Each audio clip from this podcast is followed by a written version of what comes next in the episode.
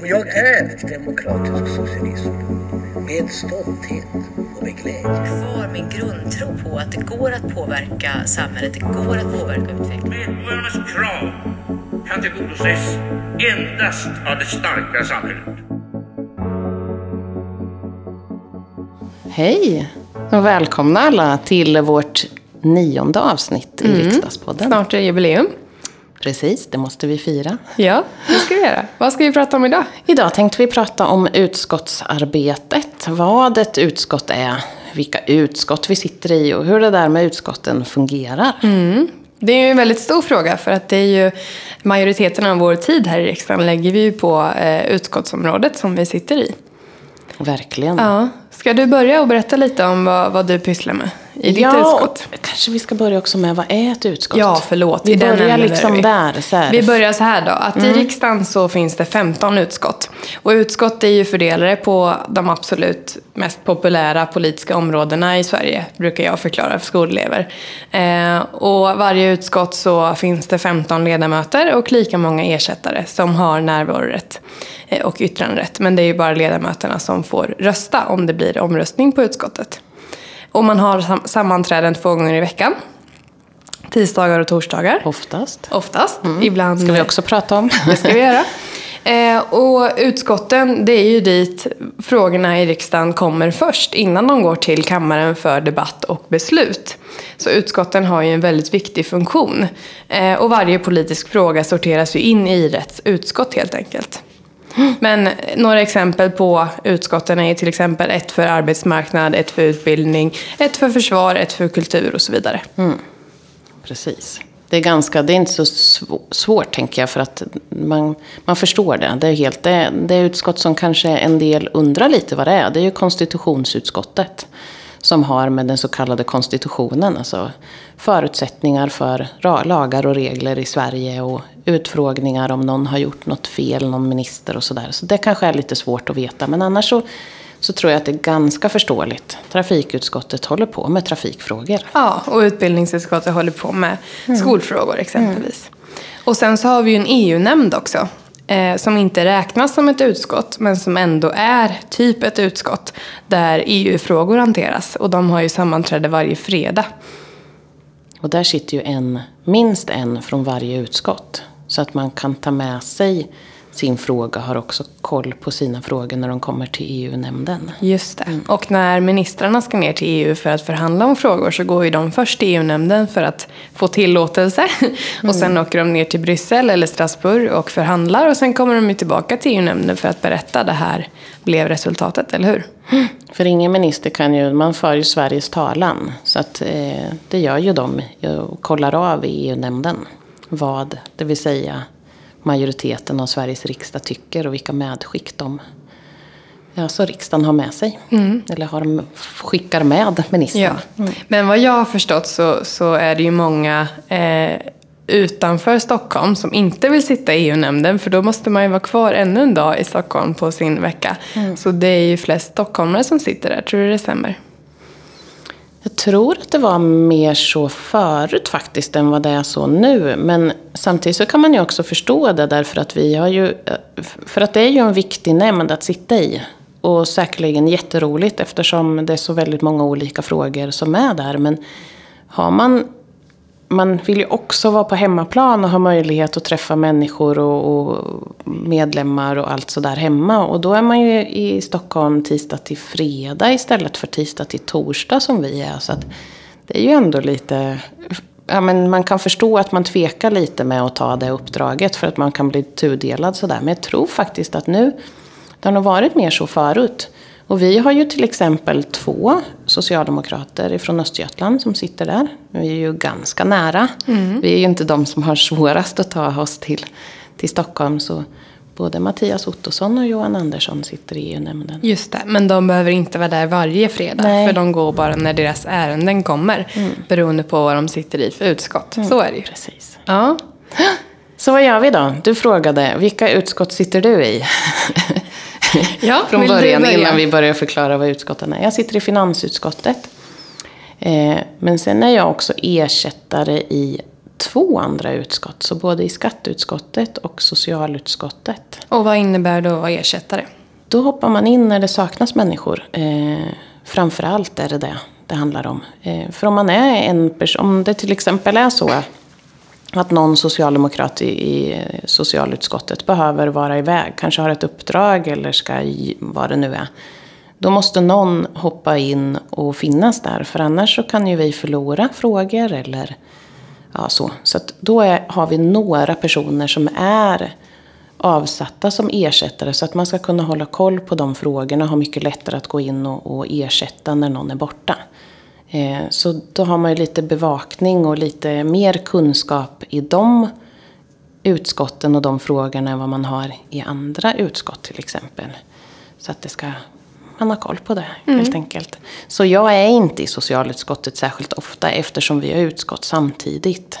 Så om jag behöver vara med på socialutskottet då måste jag ju kolla så att vi har folk tillräckligt på finansutskottet så inte jag lämnar mitt utskott och går till socialutskottet och fyller upp där. Så att, men det är så det fungerar. Men jag tycker att det är roligt för att eh, de socialpolitiska frågorna till exempel har jag hållit på med så himla mycket också som kommunalråd. Så jag tycker det är roligt att få ha kvar lite för då har man lite möjligheter att, att få höra mer och kanske vara med och sådär ibland. Eh, för de kommer jag ju aldrig sluta att brinna för, de där frågorna.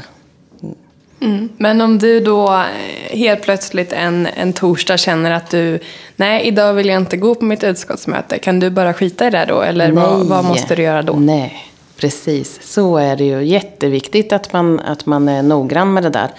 För att då blir det likadant. Då kan det ju saknas folk i mitt utskott. Så att ja, vi har en person i vår grupp för Socialdemokraterna som ansvarar för det här med närvaron.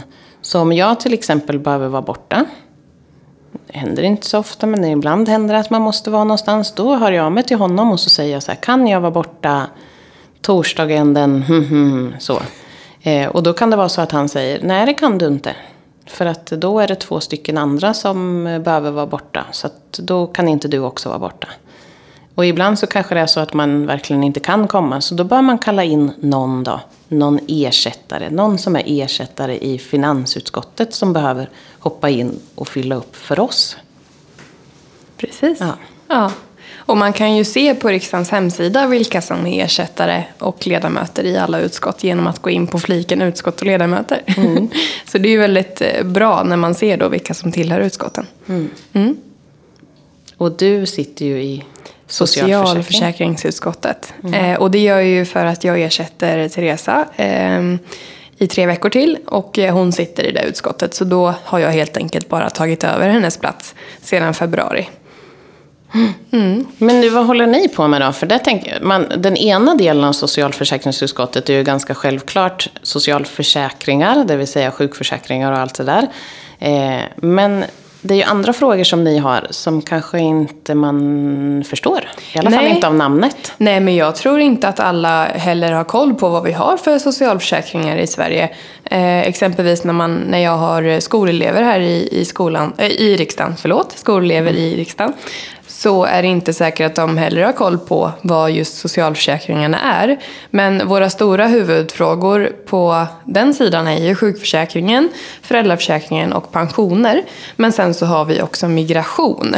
Så alla ärenden kring migrationslagstiftning eller arbetskraftsinvandring eller eh, ja, men när människor kommer till Sverige helt enkelt hanterar vi i vårt utskott. Så man kan säga att vi har två grenar helt enkelt. En som hanterar socialförsäkringen eh, och deras enorma miljardbelopp som vi lägger på dem varje år. Och den andra sidan som hanterar migrationsfrågorna. Eh, och det gör ju också att mitt utskott är ganska polariserat. För att många tycker väldigt, väldigt olika. Så våra debatter kan vara väldigt högt och lågt. Verkligen, det kommer mm. jag ihåg. Eftersom jag också har varit där inne och vikarierat när Teresa var föräldraledig förra gången. Så, Just det. Så har jag lite koll. Men absolut, att det är så. Sen är ju också socialförsäkringsutskottet ett väldigt tungt område rent budgetmässigt. Eftersom... Ja, man brukar säga att det är en fjärdedel av statsbudgeten. Mm. Så det är mycket insatser där, mycket pengar. Precis. Sen kan man ju säga att inom utskottsgruppen, alltså partigruppen, Socialdemokraterna i socialförsäkringsutskottet, gud det är så långa ord, eh, så har vi ju ansvarsområden för varje fråga. Eh, och eh, jag som ersätter Teresa har då fått ha lite extra fokus på pensionsfrågorna i år. För det är hennes ansvarsområde. Sen har vi en annan ledamot som har hand om migrationen. Rickard som är gruppledare som har liksom fågelperspektivet på alla frågor. Eh, Kadir och Hanna som har hand om föräldraförsäkringen och Björn som har hand om sjukförsäkringen. Så när man är eh, fem ledamöter och en arbetande ersättare i vårt parti i varje utskott så har vi ju förmånen att dela upp ansvarsområden då man kan bli som en talesperson för varje område eh, och på så sätt dela upp eh, debatter eller panelsamtal eller, eller när man då ska hantera vissa frågor. Men det kan ju inte riktigt alla partier göra eftersom att de kanske bara är en eller två ledamöter i varje utskott. Så då blir det väldigt mycket på varje enskild ledamot. Det är faktiskt en stor skillnad. Verkligen. Har du något ansvarsområde? Ja, eh, jag är ju också, för att komplicera det här, eh, vi ska göra det kanske nu, arbetande ersättare.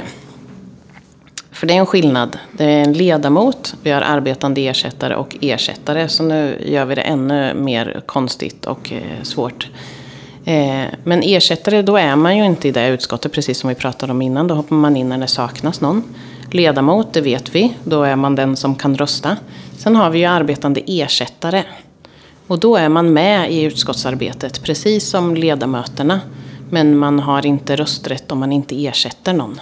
Och man får allt- inte sitta vid det stora runda bordet i mitten av utskottsrummen. Man får Men- sitta längs väggen. Ja, men för övrigt är det precis samma. samma så därför så, så förenklar jag det ofta. Men jag är arbetande ersättare. Jag är en av de sist in i eh, finansutskottet. Så, men egentligen så gör ju inte det någon skillnad mer än just det i vårt arbete, i vårt gemensamma arbete i arbetsgrupperna. Men däremot som sagt så, så röstar man inte. Eller jag står inte på protokollet i alla fall. På utskottsmöten, men inte i kammaren. Nej, precis. Ja, det är I kammaren skillnad. röstar man ju precis som. Då finns det inga ersättare. Eh, nej, men mitt ansvarsområde tidigare har varit... Jag, jag är ordförande för något som heter OECD-nätverket. Så det har jag haft sedan en längre tid tillbaka. Eh, jag har också haft ansvar för eh, statsskuldsfrågor. Eh, och forskningsfrågor på, mitt, på, på det området. Det innebär ju inte forskningsfrågor generellt men mer framtid och forskning på vårt område. Men jag ska också ha ansvar för den kommunala ekonomin framöver. Och det innebär ju kommunernas och regionernas ekonomi och, och vår finansiering av välfärden. Det är tungt. Mm. Och jättespännande och jätteroligt och stora Väldigt viktig utmaningar. fråga. Mm. Ja. ja, speciellt nu när vi ser i Sverige att de flesta kommuner går back tyvärr. Eh, och det måste vi verkligen lösa. Så det är ju skitbra att du Eva har fått den portföljen. Ja, en väldigt viktig fråga för oss, för välfärden och, och allt det är ju en av våra absolut viktigaste frågor. Vi står ju, för oss är det väldigt viktigt med, med trygghet och säkerhet och att alla får en, en likvärdig eh, välfärd. Ja, för alla. Självklart. Och Mm. ur ett östgötaperspektiv är det också extra roligt för att du har ansvar för frågan i utskottet. Men ansvarig minister är ju den nya ministern Lena Micko som också är östgöte. Precis. Det är vi jätteglada för. Det har vi sagt flera gånger förut tror jag. Men vi är så himla glada över att vi nu har en östgötsk minister som också är så kompetent som Lena. Absolut. Det var länge det är sedan vi hade det. jättekul. Mm. Det är verkligen roligt. Men det här, jag tänkte precis det som du sa innan det här med utskotten också. Att just att alla liksom frågor kommer till utskottet innan vi röstar om dem. Och då är det ju faktiskt så att de kommer ju inte bara en gång. Eh, för att eh, de kommer genomsnitt tre gånger till utskottet innan de sen behandlas i kammaren. Alltså att vi har en debatt i kammaren. Och det är ju för att den första gången ska man kanske ha någon som berättar något om, om utskottets ledamöter har frågor kring det.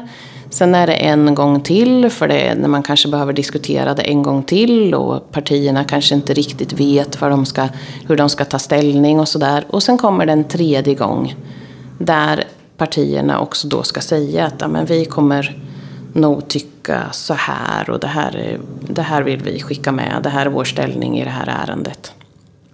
Så att Varje ärende kommer tre gånger till ett utskott innan det sen kommer upp för debatt. Så man tar ett, jag vet inte vad vi har, vi har ju budgeten här ganska snart. Eh, så då börjar den, då kommer den ju sen komma till finansutskottet, för det är utskottet som behandlar budgeten.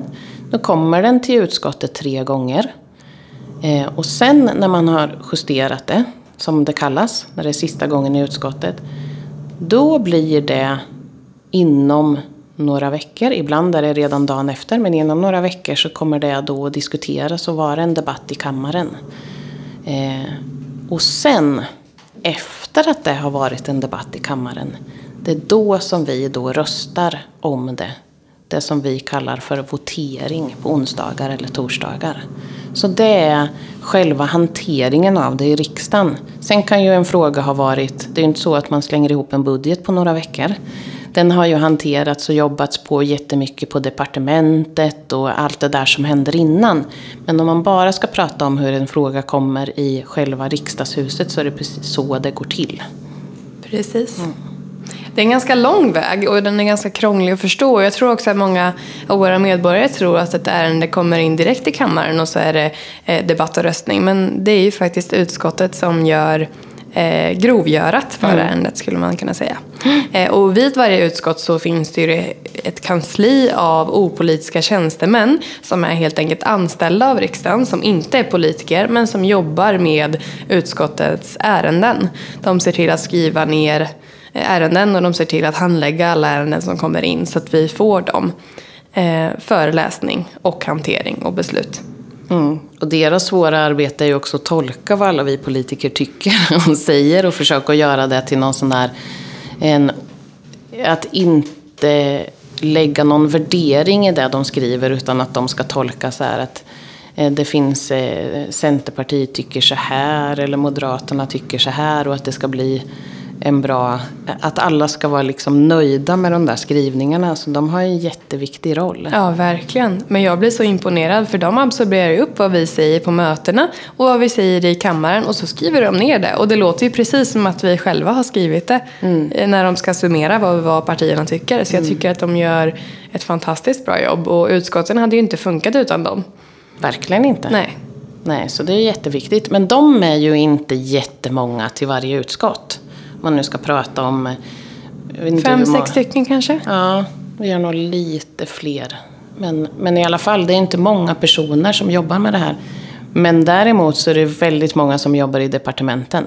Flera tusen. Som jobbar fram lagförslag och så. Så att de är många. Men under själva behandlingen av hur det här ska med underlaget och allting så där av i riksdagen så är de inte så många. Mm. Vem är det som leder utskottens arbete då? Det är ordförande, har vi. All, alla utskott har en ordförande och en vice ordförande.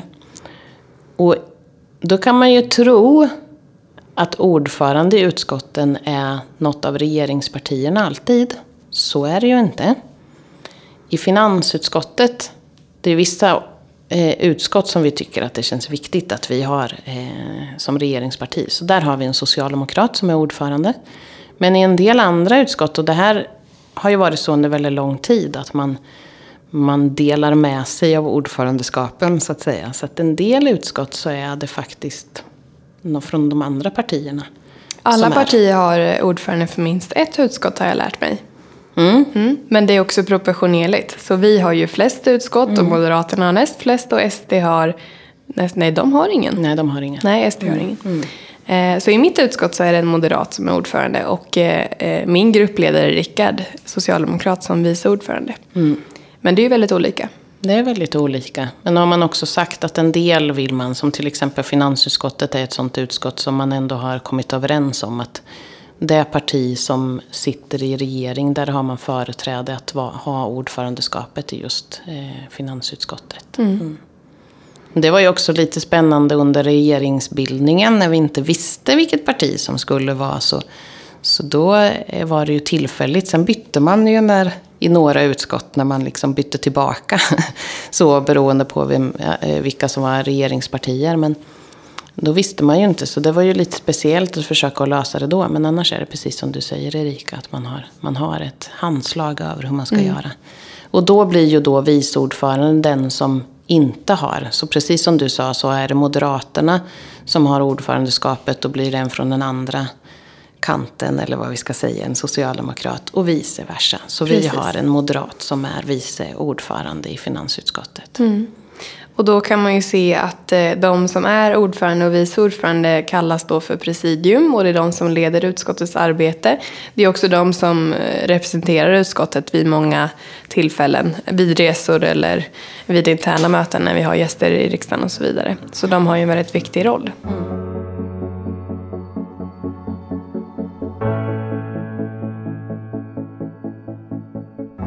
Ja, vi kan ju också säga att i utskotten så eh, är ju många av partiernas eh, talespersoner.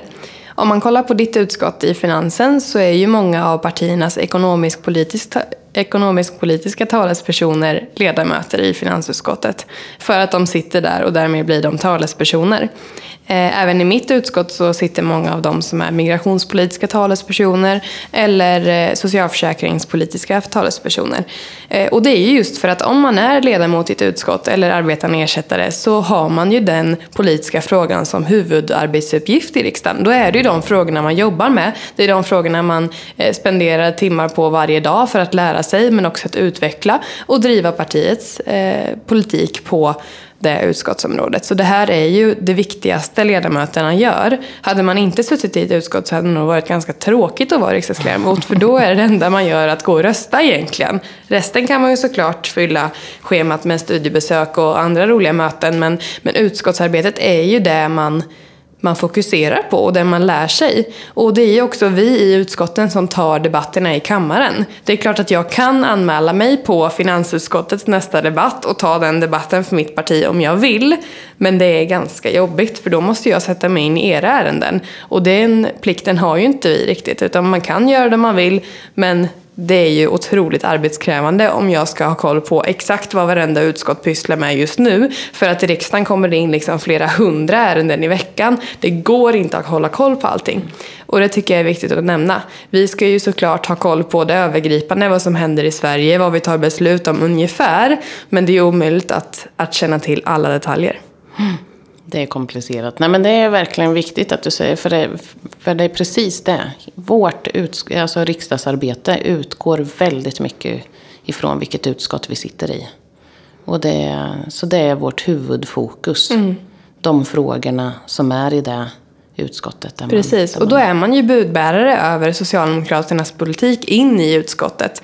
Eh, och det är ju väldigt viktigt att man då kan vad vi själva tycker samtidigt som vi lär oss vad de andra tycker samtidigt som vi är öppna för att lära oss ännu mer. Och då kan man ju säga att eh, om man, eh, ja men jag kan utgå från mig själv.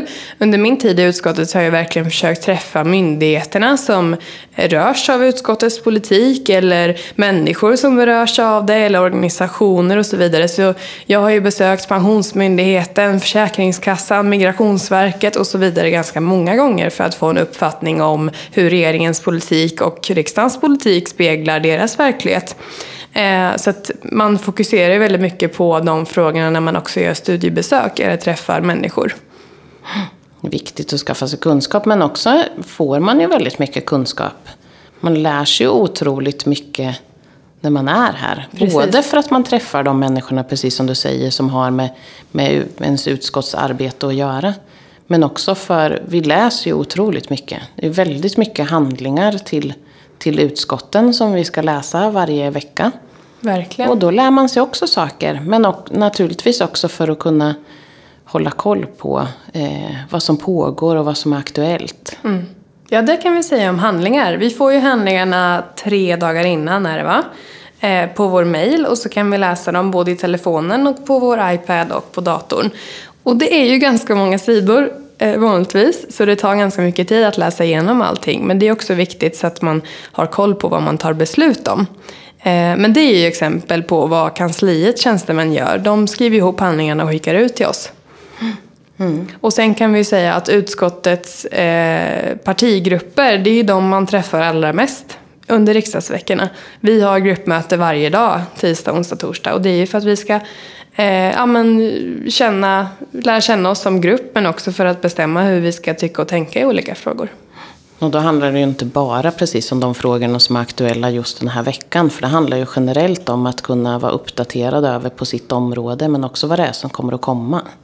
Eh, så att det inte bara blir de här Ja, men nu till exempel är tjänstepensioner mycket som vi fattar beslut om i, i utskottet. Men då, måste det också, då handlar det också om vad är det som kommer här framöver? Vad behöver vi prata ihop oss om som är frågor som, som är i framtiden, inte bara de som kommer nu. Så att det är ju mycket diskussioner och mycket samtal i de här utskottsgrupperna som vi ja, har. Ja, och när vi gör studiebesök eller träffar människor och sådär, då kan det dyka upp många frågor eller orättvisor som vi behöver ta med tillbaka till riksdagen. Och då är ju utskottsgrupper ett fantastiskt verktyg för att lyfta det här, för att sen lyfta in det i utskottsarbetet. Jag tycker också att en av dem som jag verkligen blev Ja, men faktiskt förvånad, men också så helt fascinerad över är alla de som sitter i utskotten. Och då pratar jag om riksdagsledamöter som kan så otroligt mycket om sina frågor.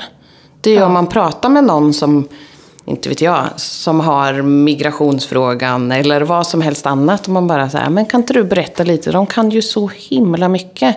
För att det är det som är, tycker jag också, det roliga med att vara riksdagsledamot. Att man är så, man måste vara allmän, allmän politiker. Man kan inte bara kunna om sitt område. För att det förväntar sig människor att om jag kommer ut, och är också en självklarhet om vi ska fatta alla de här besluten som vi gör. Men att ha en allmän kunskap om politiken är ju jätteviktigt. Förväntningar, och det behöver vi. Men så är man ju specialkunnig, verkligen, på sitt område. För där gör ju alla, precis som du säger, har man förskolan som sitt ansvarsområde i sitt utskott då gör man ju jättemycket besök på förskolor och träffar dem och läser, får till sig forskningsrapporter och allt vad det är om det här. Så att det finns otroligt mycket kunskap. Inte bara på departementen och på kanslierna utan verkligen hos de alla politiker som finns i det här huset. Så det tycker jag är jättehäftigt ja, och som jag blir imponerad över. Verkligen. Mm. Eh, men också att Jag brukar säga att eh, om man inte vill lära sig så kommer man göra det ändå. För det är helt omöjligt att blunda för all den här informationen. Ja. För på utskottsmötena så kommer ju många experter och, och berättar om deras områden. Och man får, man får ju till sig hur mycket kunskap som helst. Även om man bara skulle ignorera det så är det ju svårt att, att eh, inte ta in det. Liksom. Ja. Så man lär sig extremt mycket. Mm. Kände du att du kunde mycket innan du kom in i ditt utskott? Jo, men jag har ju... Eh, jag är ju inte ekonom, jag har däremot läst ekonomi på senare tid. Eh, för att jag hade, hade ett uppdrag också inom den finansiella sektorn som jag också behövde lära mig om. Så att det underlättar ju när man sitter i finansutskottet att man har eh, kunskap. Men det innebär, man måste ju inte heller. Det kan ju vara så att man faktiskt inte kan så mycket om sitt område när man kommer in som riksdagsledamot. Men så får man ett ansvarsområde och då måste man lära sig. Så att eh, då, då ordnar man ju det liksom. Att, eh, så att jo, jag kunde en del men jag kan ju väldigt mycket mer idag än vad jag kunde när jag kom in i finansutskottet. Så det är ju precis som du säger, man, det måste nästan vara jag vet inte, väldigt speciell för att undvika att lära sig något. Verkligen. Så. Ja, vad kände du? Du har ju pensioner och det är ju inte riktigt något som du kanske har tänkt på väldigt mycket innan eftersom du inte riktigt är nära pensionsåldern. Nej, jag kunde på riktigt ingenting innan jag kom in. Mer än att pensioner är någonting man får när man går i pension vid 65 års ålder. Och riktigt så är det ju inte. Utan det handlar ju om så mycket mer. Om det livslånga sparandet eller att eh, antalet arbetade timmar under en livstid avgör mycket mer än vad man tror. Eller att staten beslutar inte om all pension utan mycket hänger ju på vad du som individ gör för livsval och så vidare och så vidare. Det kunde jag absolut inte. Så att jag känner att jag har lärt mig, eh, jag har lärt mig allt jag kan genom det här uppdraget. Eh, och det är också tyvärr ett dåligt betyg på Sveriges eh, skola, att man inte lär sig om pensioner eh, när man går i skolan. Eh, och jag har också lärt mig otroligt mycket om migration och föräldraförsäkringen och sjukförsäkringen som också ingår i mitt utskott. Så jag är väldigt tacksam för den kunskapen som man får. Och så är det nog i alla utskott. Och jag har hört om ledamöter som som bara nej, jag tänker absolut inte sitta i det här utskottet när man fick frågan från början. Men som idag älskar sitt utskott mer än något annat för att man har ändrat sin bild om det och lärt sig väldigt, väldigt mycket. Mm. Så jag tror att man kan ha ganska mycket fördomar om ett politiskt område och tänka att det är skittråkigt. Men sen när man väl jobbar med det så är det det roligaste man har gjort.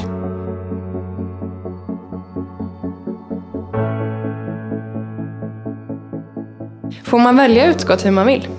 Man får önska utskott.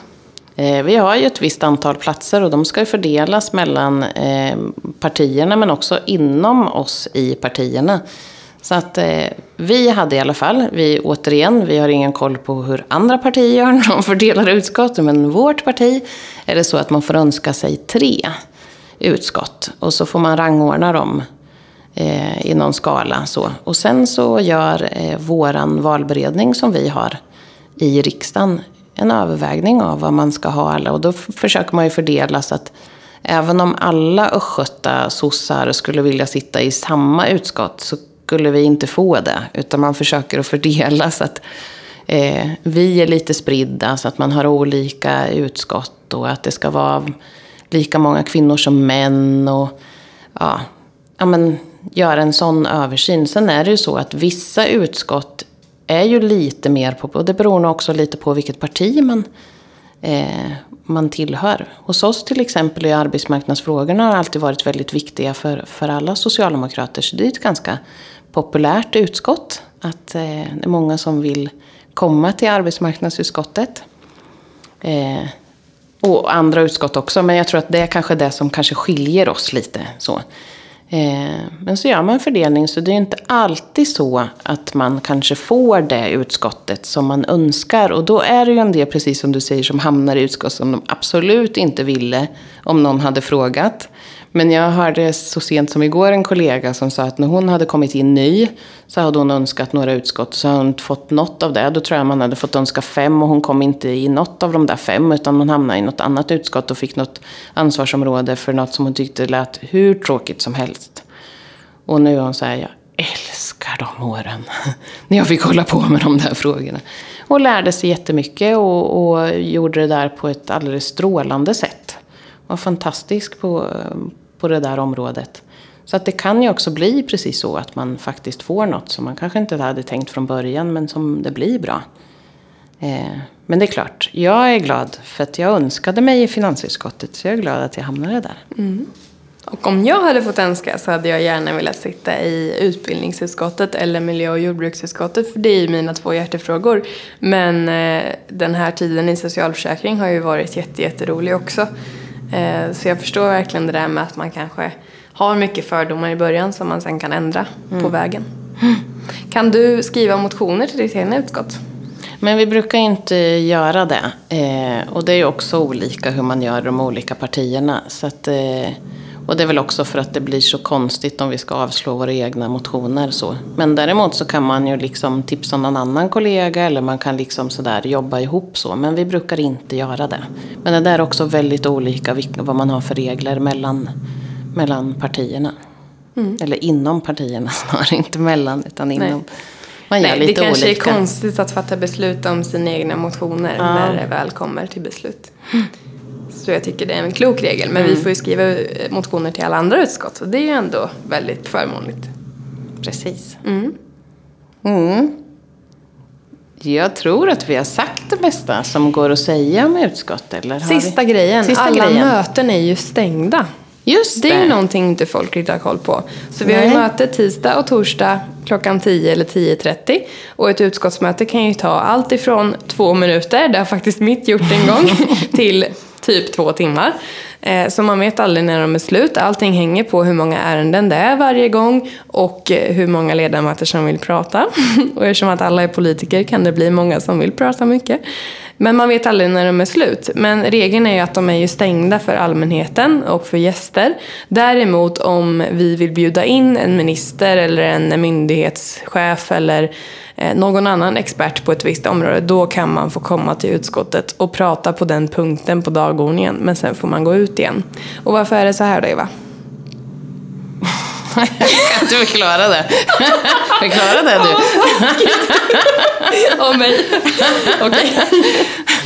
Det här gör vi ju för att på utskotten så ska vi ju kunna prata om sekretessbelagda ärenden eller att vi då helt enkelt ska prata om det praktiska kring ärendet. Den politiska debatten tar vi ju inte i utskottet utan den tar vi ju sen i kammaren. Och i kammaren så är ju allt öppet för allmänheten. Där kan ju vem som helst trilla in på läktaren och man kan kolla på allt vi gör på hemsidan. Alla debatter filmas ju, så att man kan ju gå in och titta på allt. Så, ja, och säger man något fel i så kommer man inte undan, eller man kan inte låtsas att man inte har sagt någonting eller så, för det, allting finns Exakt. på webb-tv och i protokoll. Så det är både och. Allting som vi säger i kammaren skrivs ju ner. Varenda ord skrivs ner. Och Ja. så, här. så där blir det ju väldigt offentligt och öppet. Mm. Precis. Ja, jag tror att vi har sagt nästan allt om utskotten. Och har vi inte det så får ni ställa frågor och så får vi återkomma. Och så mycket du kan som bara varit inne här och vikarierat. Tack. Allt om varenda utskott och hur det funkar. Ja, Ja, men, jag, jag tror att, försöker. Jag tycker det är så himla roligt. Ja. och många undrar om detta. Eftersom man pratar liksom lite så här, slänger så här, ja, i utskottet där och ja, så. Mm. Så det känns bra om vi, eh, och kunna berätta om det. Ja, hur det och, och lite på samma sätt är ju kommuner och regioner uppdelade också. Att i kommuner, kommunfullmäktige så har man utskott och nämnder eller i regionfullmäktige så har man också utskott och nämnder. Så att det är ju lite liknande i våra andra församlingar också. Bra system tycker vi. Mycket bra Eller system. Hur? Vi Bättre än gillar att bara ta in ett förslag, klubba igenom det och så är det klart. Utan vi behöver ju faktiskt bearbeta det och komma överens om och utreda så att det inte går för fort så vi inte missar massa olika perspektiv. Generellt kan man väl säga att vi tycker att det är ganska mycket i riksdagen som funkar väldigt bra. Precis, det är, väldigt ju väl faktiskt lagstiftning vi sysslar med. Det glömmer man ibland. Viktigt att det Ja. fungerar och viktigt att vi har regler för hur det funkar och hur det ska göras. Okej, vi hörs nästa vecka när vi ska göra vårt tionde avsnitt. Vi Ja, får se vad vi precis. pratar om då. Ja, precis. Ha det fint! Detsamma. Hej, hej. Hej!